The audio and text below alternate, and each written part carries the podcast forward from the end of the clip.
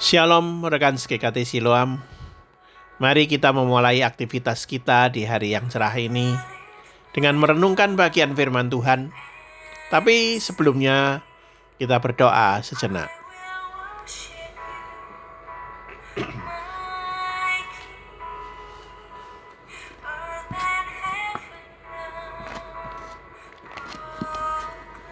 Imamat 1630 karena pada hari itu harus diadakan pendamaian bagimu untuk mentahirkan kamu. Kamu akan ditahirkan dari segala dosamu di hadapan Tuhan. Pada zaman itu, hari raya yang paling penting adalah hari raya pendamaian yang diadakan sekali setahun. Pada hari itu dipersembahkan korban khusus bagi dosa-dosa umat Allah. Dipilihlah dua ekor kambing jantan, kedua-duanya dipersembahkan kepada Tuhan dan disebut sebagai pendamaian. hmm. Yang satu dipersembahkan sebagai korban penghapus dosa, yang satu lagi dilepaskan di padang gurun yang tidak berpenduduk. Setelah imam mengakui dosa umat Allah dengan meletakkan kedua tangannya ke atas kepala kambing jantan itu.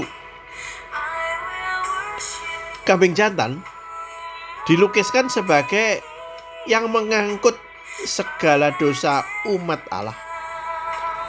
Semuanya dilambangkan betapa Allah sudah menghapus dosa umatnya dengan cara tuntas untuk selamanya. Hanya seorang imam besar sajalah yang diperkenankan mengadakan upacara persembahan korban itu.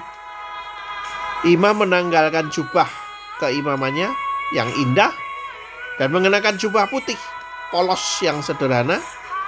Lalu ia membawa darah hewan korban itu ke tempat maha suci untuk memohon pengampunan bagi dosa-dosa seluruh umat Allah, termasuk dosanya sendiri. Kristus.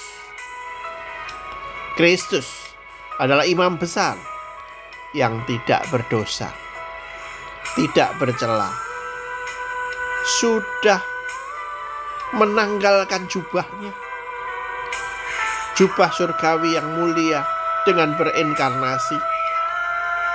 Dan mengenakan jubah kemanusiaan. Bahkan dia tidak memakai jubah pada saat ia dikorbankan di kayu salib. Ia mencurahkan darahnya di kayu salib itu juga. Dan ia menanggung hukuman atas dosa-dosa seluruh umat manusia sepanjang abad, termasuk dosa kita juga. Pada hari raya pendamaian, hari raya pendamaian kita adalah Golgota. Di Golgota. Mari kita menghayati ini. Pendamaian Siapa yang berdamai? Kita yang berdosa itu adalah musuh daripada Allah. Tetapi melalui Kristus kita diperdamaikan kembali dengan Allah. Kita menjadi umat Allah, berdamai dengan Allah. Nah, bagaimana dengan kita? Mari kita sungguh-sungguh menghayati ini, menyembah Dia, karena Kristus sudah menyerahkan dirinya total untuk kita. Mari kita menyerahkan semuanya. Menyerahkan diri kita. Berpaut, lengket dengan Tuhan dan melayaninya sampai akhir. Tuhan memberkati kita semuanya. Shalom. Selamat pagi.